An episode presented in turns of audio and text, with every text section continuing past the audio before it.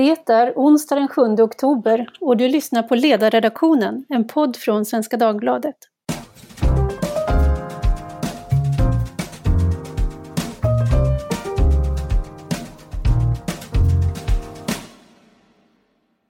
Jag heter Tove Livendal och idag har jag Mauricio Rojas som gäst. Han är författare, docent i ekonomisk historia och blev i valet 2002 invald i riksdagen för dåvarande Folkpartiet som oberoende liberal utan att ha partimedlemskap. Han var också Folkpartiets talesman i flykting och integrationsfrågor från 2004 till 2006. 2008 lämnade han Sverige för att bli rektor för en högskola i Madrid inriktad mot migration och integration. Sedan tre månader tillbaka har han nu återvänt till Sverige från Chile, ägnar tiden åt att föreläsa på ett universitet på distans och att skriva. Varmt välkommen Mauricio! Tack så mycket Tove, vad trevligt att prata med dig. Ja, detsamma. Eh, vi ska backa bandet därför att du flydde ju faktiskt Chile på 1970-talet undan Pinochet. Och 2018, då är du liksom eh, tillbaka och då är du strategisk rådgivare och talskrivare åt Chiles president Sebastián Piñera och i augusti samma år så blir du utnämnd till kulturminister. Men efter fyra dagar så avgick du. Vad var det som hände? Jo, det, det är motståndet eh, från vänsterhåll var väldigt, väldigt starkt.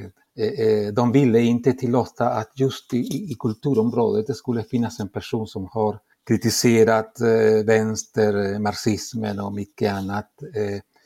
De såg mig som en fara. För att väldigt många är beroende av bidragen från just det departement som jag skulle leda. Så det var en väldigt, väldigt kraftig reaktion och regeringen tyckte att det var inte värt så att säga att, att ha ett slags permanent konflikt med kulturfolket som är väldigt eh, högljutt ofta. Så, så, så, men det var en, en jättestark reaktion eh, baserad på några saker som jag hade skrivit tidigare. Där jag kritiserade framförallt vänsters sätt att presentera eh, demokratins sammanbrott på 70-talet i Chile. Och det, det jag sa och säger hela tiden det är att vänster hade ett stort ansvar att, eh, att man eh, banade vägen för den statskupp som kom i september 1973, som var mycket blodigt och det finns ingenting att ursäkta där. Men vänstern måste ta på sig också det ansvaret som, som det hade i hur man förstörde en av de demokratier som var ett exempel, inte bara i Latinamerika utan i världen också. Och det där är väldigt besvärligt för vänster att man påminner dem om den här historien. Mm. Hade det här kunnat sluta på något annat sätt? Hade Pinera kunnat hålla dig kvar? Jo, det, det hade man kunnat faktiskt, men, men, men eh, då, då var det ett krig från, eh, som sagt, kulturetablissemanget som är väldigt eh, vänster, som det brukar vara. Eh, och och det, det, tyckte man inte att det var, det, det, var inte ett krig som man ville kriga helt enkelt. Att ha en sån minister Eh, Eh, när, man, när man tänker på det efteråt, då ser man det, det är klart att man borde ha eh, eh, tänkt att det, att det skulle hända en sån sak. Men eh, ja, man är inte efterklok i förväg, så det, det är som det är så att säga. Men om det nu, nu är det i och för sig några månader sedan du kom tillbaka, men lärdomar, vad tar du med dig från den här resan? Ja, det, det, är väldigt mycket från den här resan. Eh, man lär sig bland annat att man är inte profet i sitt eget land, varken i det gamla eller det nya. att i politiken är väldigt eh, farligt att vara så att säga eh, att, att vara färre de andra. Då betalar man ett pris eh, som, ja, som är ganska högt. Men jag har funderat också ganska mycket på det som har inträffat i Chile under de senaste månaderna. Eh, efter oktober 2019. Eh, det här eh, mm. väldigt våldsamma eh, typ av demonstrationer och mycket annat. Och eh, det, det, finns en lärdom om utanförskapet som jag tror att också gäller eh, i Sverige. Och det är att om, om, om utvecklingen eh, inte involverar alla, om det finns stora delar av befolkningen som känner sig utanför, som inte, som inte är delaktiga, då finns det en, en, en potential för våld, för, för, för, för, för, för olika typer av, av, eh, manifestationer som, som, som de som, som i Sverige hade vi upploppen 2013 och, och, och det är en väldigt destruktiv eh, typ av, av reaktioner mot utanförskapet. Och jag fruktar att Sverige eh, har ackumulerat ganska mycket av det, eh, det här farliga utanförskapet och det, det, det borde vi vara ganska bekymrade över. Det är vi kan jag säga. Vi som har varit kvar hela tiden. Ja. Det finns mycket att vara bekymrad över. Men innan vi går till Sverige så måste jag bara fråga därför att du har ju också begåvat oss med kolumner eh, under stor del av din frånvaro från Sverige och du har skrivit en hel del om det som har hänt i Latinamerika. Och eh, de nyheter som kommer hit är ju mest negativa. Det är mycket som går åt fel håll. Var skulle du säga att hoppet finns? Ja, det, det är svårt att det är svårt att säga för att eh, situationen har varit mycket kritisk i Latinamerika. Det är institutionerna som är väldigt eh, bräckliga, det är korruption, det är ekonomin som är fortfarande, de funkar inte bra. Och nu kommer eh, eh, pandemin, coronaviruset och, och, och, och, då ser man hur, hur de här länderna så att säga betalar priset för, för fattigdom, för utanförskap, för mycket annat. Eh, som, man ser, som man kan se det, de latinamerikanska länderna har drabbats väldigt, väldigt hårt av, av pandemin och eh, antalet döda också är väldigt, väldigt högt. Och, och, och sjukvårdssystemen och institutionerna eh, som, som nu måste vara starka för att det här är verkligen ett slags eh, prov på det. De, de, de är inte det. Och eh, jag erfarare stora politiska kriser också. Vi har redan kriser i, i Peru, i Argentina och så vidare. Och också eh, populismen som har blivit inte bara i Latinamerika, vi har den i, i Förenta Staterna också.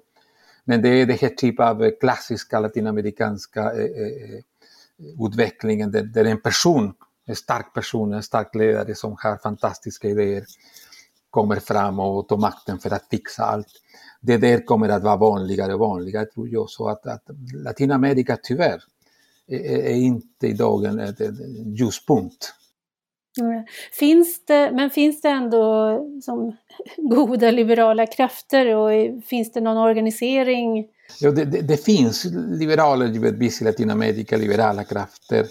Men, men de har aldrig varit starka. Och jag tror att det, det, det, det, det är inte latinamerikanernas fel, utan det är liberalernas fel. Mm.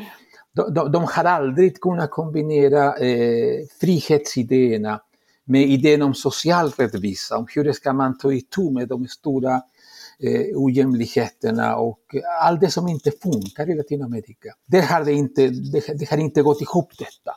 Så, så liberalismen har uppfattats som, eh, som, som, ungefär som de som försvarar det som finns eh, och, och, det finns inte mycket som man borde försvara i Latinamerika. Och eh, eh då, då öppnas fältet för, för, för populisterna, för, för den radikala vänster och för, för också konservativa populister som, som Bolsonaro till exempel.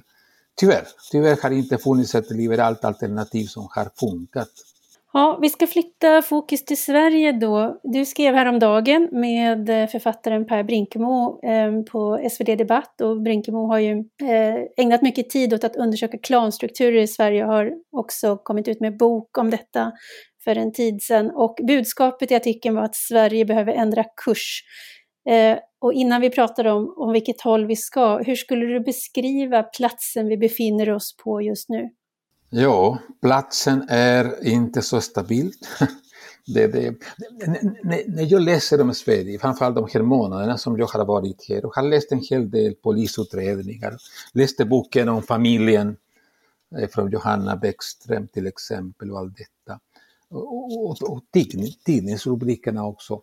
Då, då, det är svårt att tro att det har gått så långt att, att det har blivit så, e, egentligen till och med eh, rättsstatens fundament som är våldsmonopolet har kollapsat i många delar av Sverige. Eh, det här var någonting som man kunde se komma i början på 2000-talet och jag skrev mycket och gjorde de här utanförskapets kartor och mycket annat.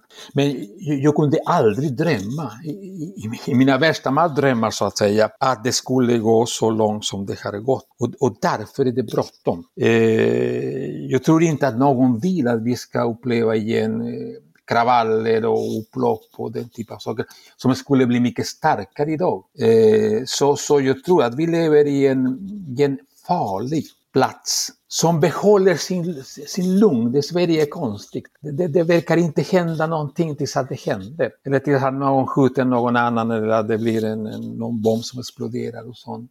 Men jag tror att vi måste vara mycket, mycket bekymrade över och eh, det, det brådskar att göra saker och ting. Det finns mycket att göra, det är inte bara en sak, det finns inte någon quick eh, fix här. Utan det är många olika saker, men det är det ska tas med största allvar. Hur ska vi komma ur den här situationen där kanske en dryg halv miljon personer lever i de här så kallade utanförskapsområdena. Det är ungefär så, det, det, det, lite till idag. Eh, och där det finns uppenbarligen en, en, en, en del av Sverige som inte funkar ihop med det andra. Jag satt och tittade lite grann på gamla artiklar eh, där du figurerar och det här med att vara efterklok, eh, det är, det är såklart lätt, men det finns också en hel del personer som kan säga vad var det jag sa? Och du är ju tveklöst en av dem. Du har ju diskuterat och inte väjt för de problem som har blivit mer och mer synliga nu. Eh, men utan att kanske bli ordentligt lyssnad på. Jag hittade ja. ett, eh, ett klipp där Fredrik Malm, han är ju riksdagsledamot nu, men han var ordförande i Liberala ungdomsförbundet mellan 2002 och 2006. Och 2008 då skrev han en artikel där han eh, tog avstånd från sig själv. Han, han berättade att han mm. som ordförande i LUF hade varit med i mobben mot dig och krävde din avgång och han ångrade det. Det var många med i, i mobben, eh, inte minst Folkpartiet, Centerpartiets ledare då, Maud Olofsson som var avgörande hon förbjöd att jag skulle ha, arbeta med någonting som hade med migrationen och integration att göra i den borgerliga regeringen som tillträdde 2006. Men det är klart, man kan säga att, att det här har jag sagt och det var ja, för 30 år sedan. Egentligen finns det mycket av det här i min bok, I ensamhetens labyrint.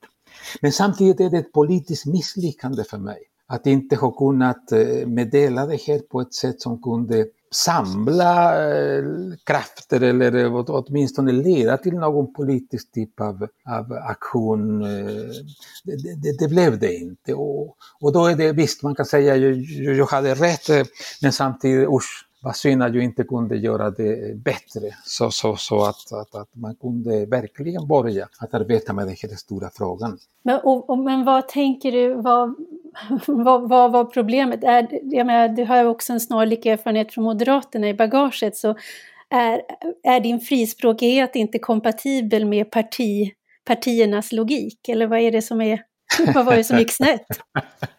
ja, det, det, det, är säkerligen så. Eh, jag kom till slutsatsen att jag hade eh, eh utdefinierat mig eh, eh, i, i, den svenska debatten. Och det är det farligaste man kan göra, för då, då, då, då lyssnar man inte i Sverige ska man vara väldigt eh, försiktig med det man säger så att man inte går för långt från det politiskt korrekta eller det här konsensusidén eh, eh, eller kultur som är så stark i Sverige. I Sverige tillåter man inte för mycket avvikelse. Och även om man skulle ha rätt, då bestraffas den som avviker för mycket för att det, här att, att, att hålla ihop är viktigare än att ha sanningen. Det, det har jag lärt mig och jag kunde de här sakerna, jag har skrivit mycket om det här, men men ändå, eh, kanske frispråkighet eller vad vet jag, min, min, min brist på, på, på, på, på självkontroll kanske, eller hur ska man kalla det, gjorde att jag eh, ja, drev för mycket eller för långt. Inte att jag hade fel, men att det blev för mycket för den situation det, det, som fanns i Sverige då. Där man inte ville lyssna något om det här. Man, man, man fortfarande var väldigt eh,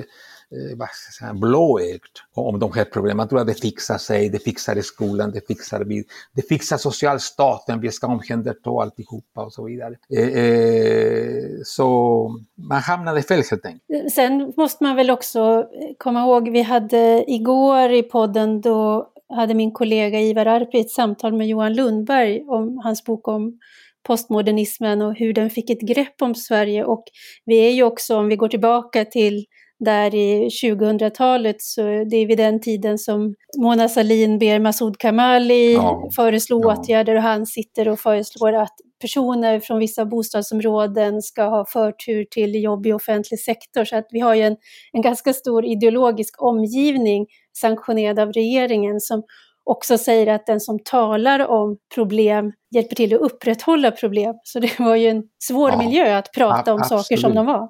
Det där, var, det där var jätteviktigt för att eh, det, det här typen av eh, extremister som Masoud Kamali är egentligen. Det, det, och, och som, som, som, klassade oss alla som såg problemen som Onkel Tom eller eh, eh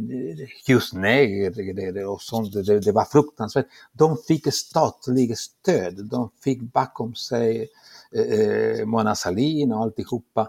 Och sen blev det att, att, att, att de här idéerna växte inom eh, forskningen och universitetet och eh, därför kommer vi till den situation vi är i idag där vi vet i praktiken väldigt lite om det vi borde veta mycket. Som är till exempel de här klanerna, gängkriminalitet och mycket annat. För, för man utdefinierade dessa problem. Man, man utgick från att hela problematiken, eh, eller ursprunget till hela de, alla de problem som vi hade, det var att svenskarna var rasister. Det var så att säga dogman. Och eh, det, det, det, det håller inte i vilken jämförelse som helst håller det inte för den första.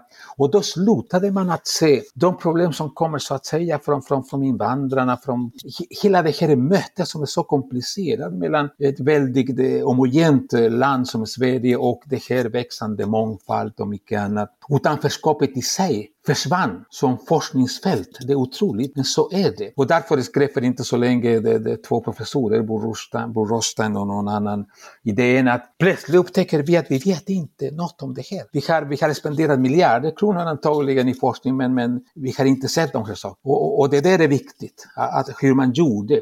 Inte bara hur man hanterade eller inte hanterade frågan, utan hur man dolde frågan, hur man dolde de problem som fanns. Där finns ett stort ansvar, inte minst från socialdemokratin.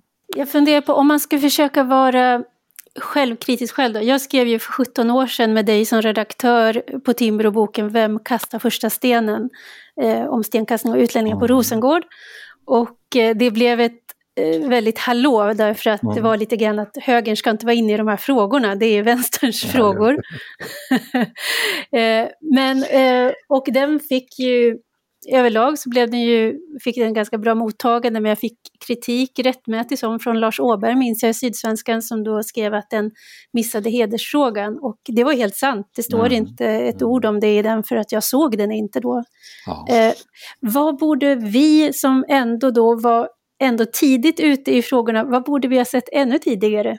Ja, det, det, är ett exempel. Eh, jag gjorde det, men, men det var inte, eh, så säga, inte tillräckligt kraftfullt eh, i den frågan. Det, det, man inte ville se, och det här är en paradox, det var att kulturen spelar roll. Vi, vi, vi pratade om ett mångkulturellt samhälle och vi tyckte att det var jätteroligt att kulturen påverkade hur man lagade mat och lite annat, dansade och så vidare. Men när vi gick till de här sakerna som, som, som till exempel hedersmord eh, och hela det här klanhistoria Eh, och, och, och, man på något sätt förnekar kulturen. Så som Brå till exempel och, och, och många kriminologer gjorde systematiskt. Man ville reducera allt till sociala eller ekonomiska omständigheter och, och det, det håller inte. Människorna som kommer hit, på gott och ont, kommer med en kultur. En kultur som gäller allt från hur man gifter sig, hur man äter, hur man, hur man begår brott också och mycket annat. Det där ville ingen se. Eh, jag kommer ihåg vilka rabalder det blev när jag skrev en artikel på Dagens Nyheter om just att, att kriminaliteten hos invandrarna hade nått med det jag kallade för eh, eh det sociokulturella arvet. Uff, det, det, var, hur kan man påpeka något sånt och så vidare. Och så vidare. Så det var, och där var de borgerliga partierna inte alls intresserade att, att, att, att vara med i det här. Att kunna, eh, jag, jag kände mig oerhört ensam då eh, trakasserade vänster givetvis med den här tystnaden hos eh, eh, borgerligheten och inte bara tystnaden utan som, som Maud Olofsson och andra att direkt eh, förbjuda mig att, att agera inom de här frågorna. Så, så det, det är klart att, att eh, borgerligheten hade inte mod, in, in, kanske för att det är lite som, som, som, som någon påpekade, det var inte deras frågor. Jag tror att mycket av det som har varit bristande, det är för att man har en en, en, distans, ett avstånd. Man vet att det finns problem där, men vad är det? Det vet man inte riktigt. Och, och, och då, då försöker man komma med väldigt eh, enkla lösningar, mera eh, pengar till idrott eller något sånt. Och, men man har inte den närhet. Jag tror att det var problemet till exempel när, när vi fick den borgerliga regeringen 2006. Då hade vi i Folkpartiet bearbetat ett mycket starkt eh, eh, program för att kunna ta itu med detta. Men det där det fanns ingen, ingen som ville på något sätt eh, ta till sig det här. Och, och Nyamko Sabuni som blev eh, integrationsminister, eh, ingen backade så att säga vad, henne, vad hon kunde eh, göra. Det var synd, verkligen synd att man, att man missade totalt detta. Men jag tror att det fanns det här eh, distansen eller avståndet, att, att, att man, man, inte hade närheten till de här frågorna. Det har ju, kan man säga, det som har förändrats i alla fall, dels har problemen tilltagit, men nu har vi ju också och det får man kanske ändå tacka Sverigedemokraterna för då, så har vi en mer öppen hjärtig och uppriktig diskussion idag om hur problemen ser ut. Så att det finns ju nu en, nu finns det en uttryckt politisk vilja att ändå lösa problem och sen så är då frågan vad vi ska göra. Så om vi blickar framåt, vilka konkreta förslag och reformer skulle du vilja se gjordes först?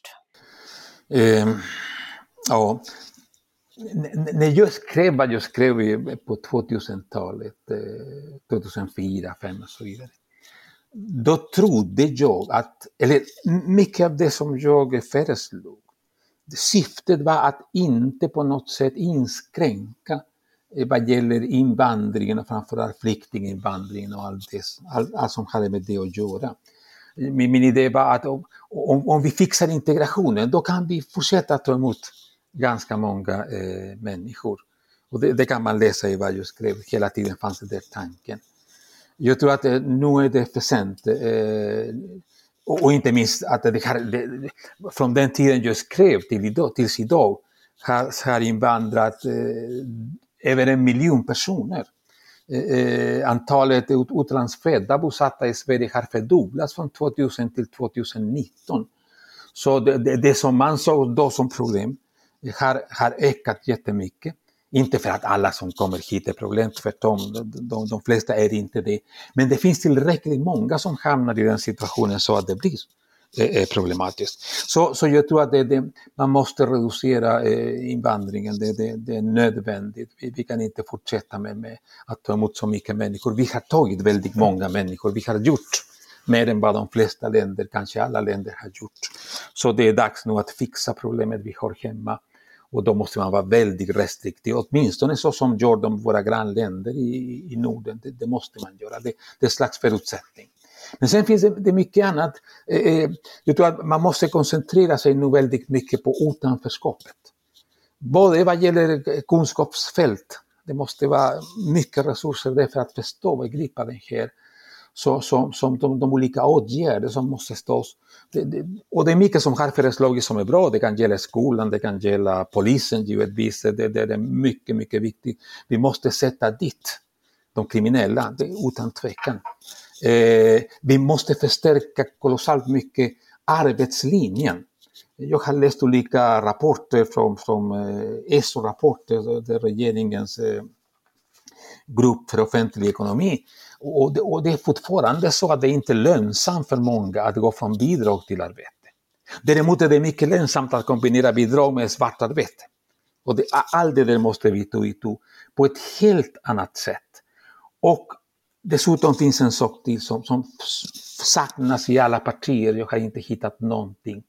Och det är att begripa att om det inte finns en kraft inifrån, från de här utsatta områdena, människor som bor där och som vill förändra och som vi hjälper till att förändra situationen, då kommer det här inte att lösas. Det, det räcker inte med åtgärder utifrån. Vi kan satsa miljoner, det har vi gjort på skolan och på, på vad du vill och ha många poliser. Och det är bra, det är alltid bra. Det är mycket bättre det än att inte ha de många poliser och lite bättre skolor.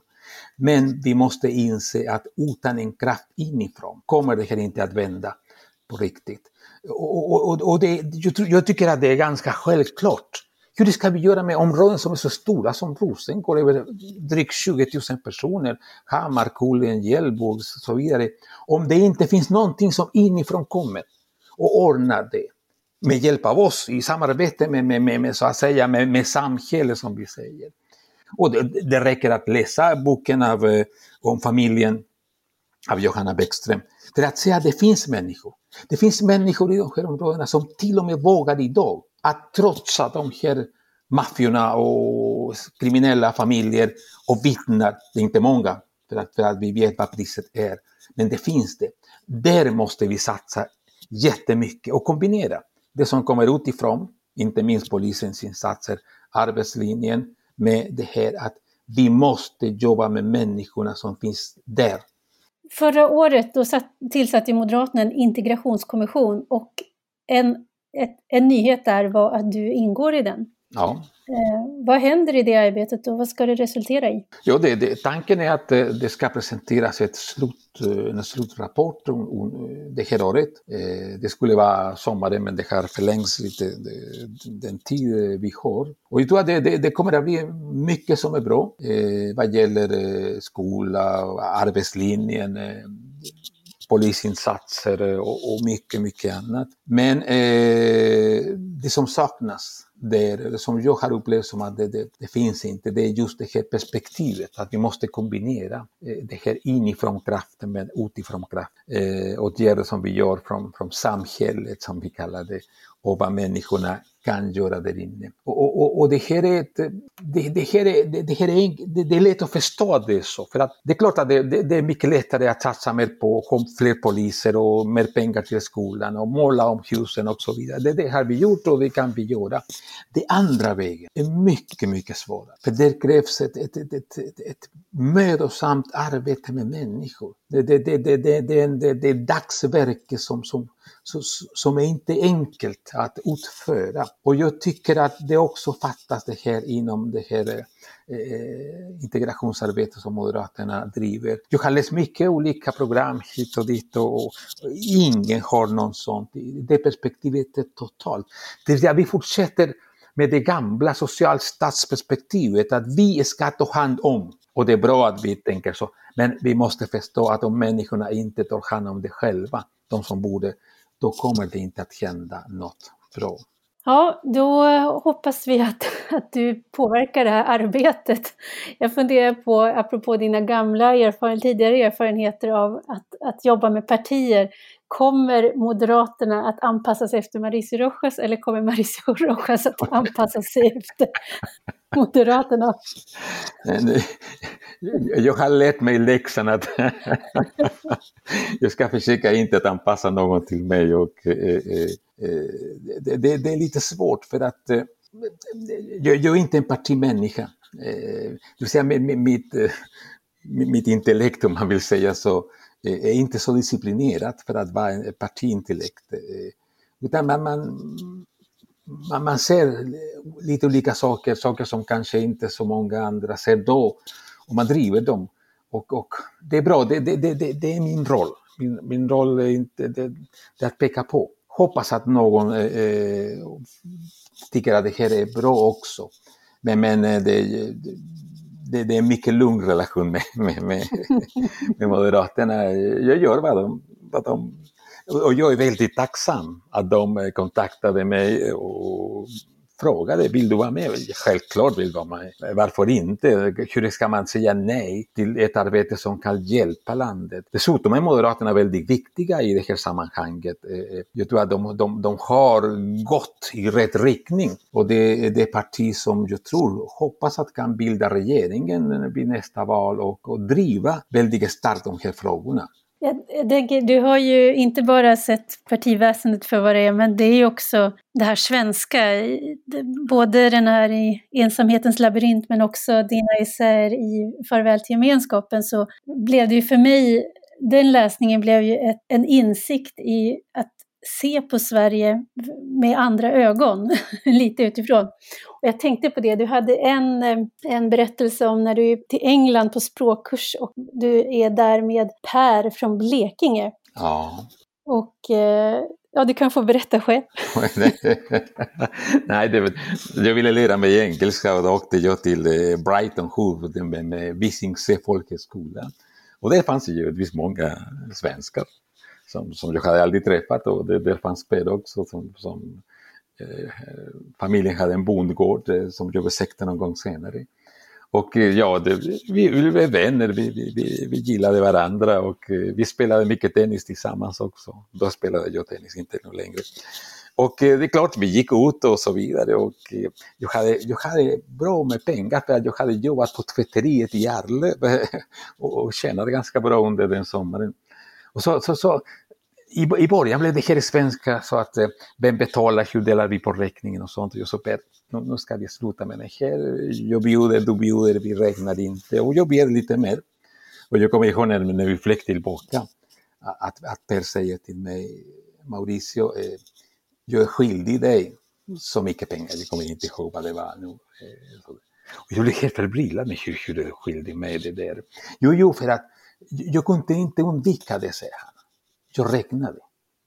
Jag, jag räknade för att hur ska jag som har mycket bättre ekonomiskt än vad du har, du, du, du som en invandrare, hur ska jag ta emot dina pengar och, och, och hur kan jag gå hem utan att ha en, en jätte, så att säga, dålig samvete. Och det där var, det, det, det var jätteviktigt för att det, det, var, det, det var så viktigt för honom att göra på det viset. Att, att, att se Mauricio respektera mitt, mitt svenska jag. jag. jag. kan inte göra så, jag, jag, kan inte gå hem på det viset. Samtidigt hade jag tvingat mig på honom och jag, jag tvingade honom att acceptera mitt mera latinska sättet att ja, vi, vi bjuder på varandra och, och, man är jätteglad om man kan bjuda en med på, på den andra och så vidare. Och, och, och, och, och, och, jag, jag kunde inte säga att Per var eh, något konstigt eller att han inte gillade mig eller att han var något.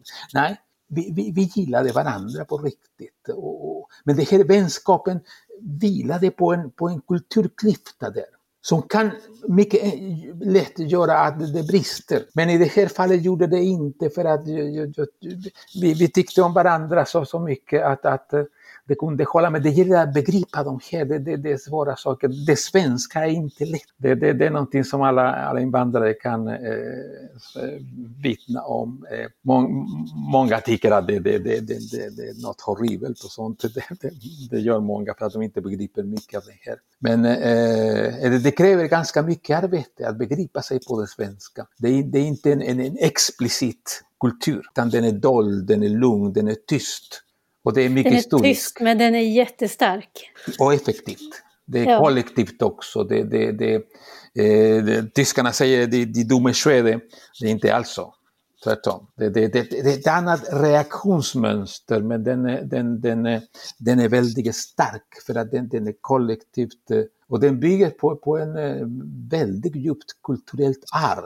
Och det är det som vi måste få fram. När, när vi tar emot människor, när vi vill skapa det här nya landet, då ska, då ska vi föra fram, det här är Sverige, det här är viktigt för oss. Även om vi inte säger det, vi, eh, också om vi håller tyst om det. Men det här är grunderna för att det ska kunna fungera. För det är Sverige, det är inte Kina, det är inte Chile, utan det är Sverige. Och det här är grunden vi står på. Och det där har vi varit jättedåliga på. Att uppenbara det här. För jag tänker på just det där exemplet om att, som Göran Persson sa, den som står i skuld är inte fri och vi översätter ju även det då på privata relationer, att man vill inte vara ja, skyldig. Så är det.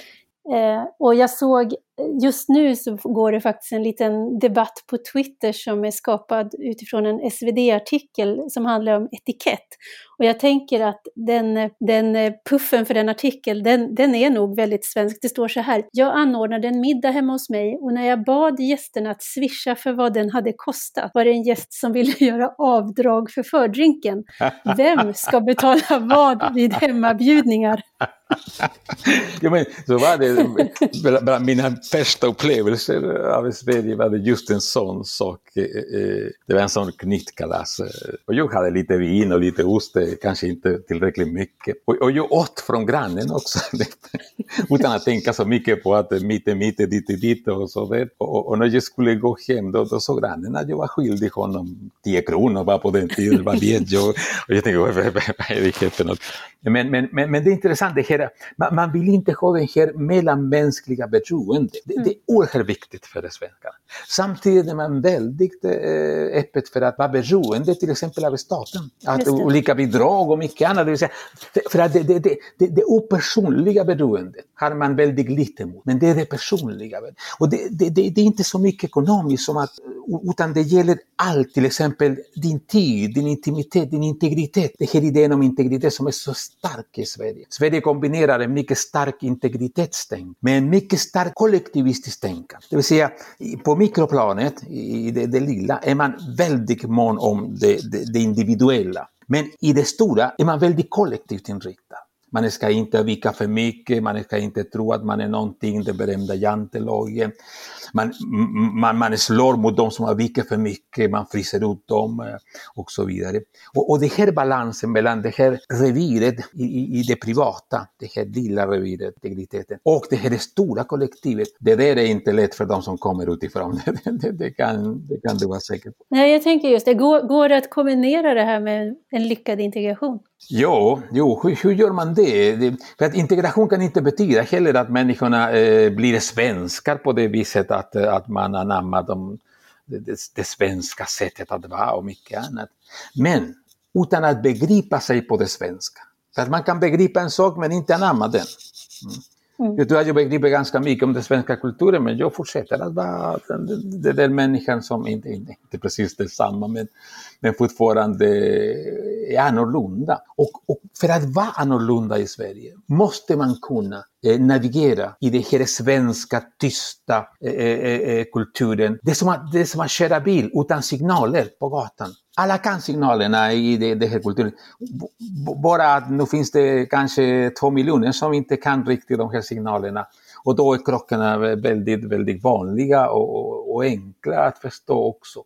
Men det är det där, ju, ju, vi i Sverige har sagt och vi ska lära oss om invandrarnas kultur, om somalierna och chilenarna och så vidare. Men vi har inte sagt samma sak om att de ska lära sig om oss. För att det är trots allt det är helt avgörande. För att det är i Sverige man ska leva. Det är här man ska ha framgång eller inte.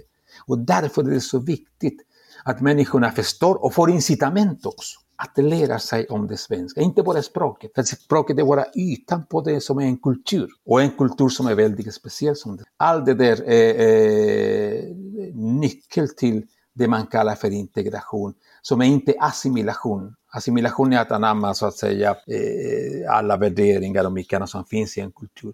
Integration, det, det, är att kunna begripa tillräckligt mycket för att kunna fungera på ett bra sätt och för att kunna hävda sin, sin, sin, sin säregenskap, sina säregenskaper utan att krocka med, med, med, med samhället i övrigt.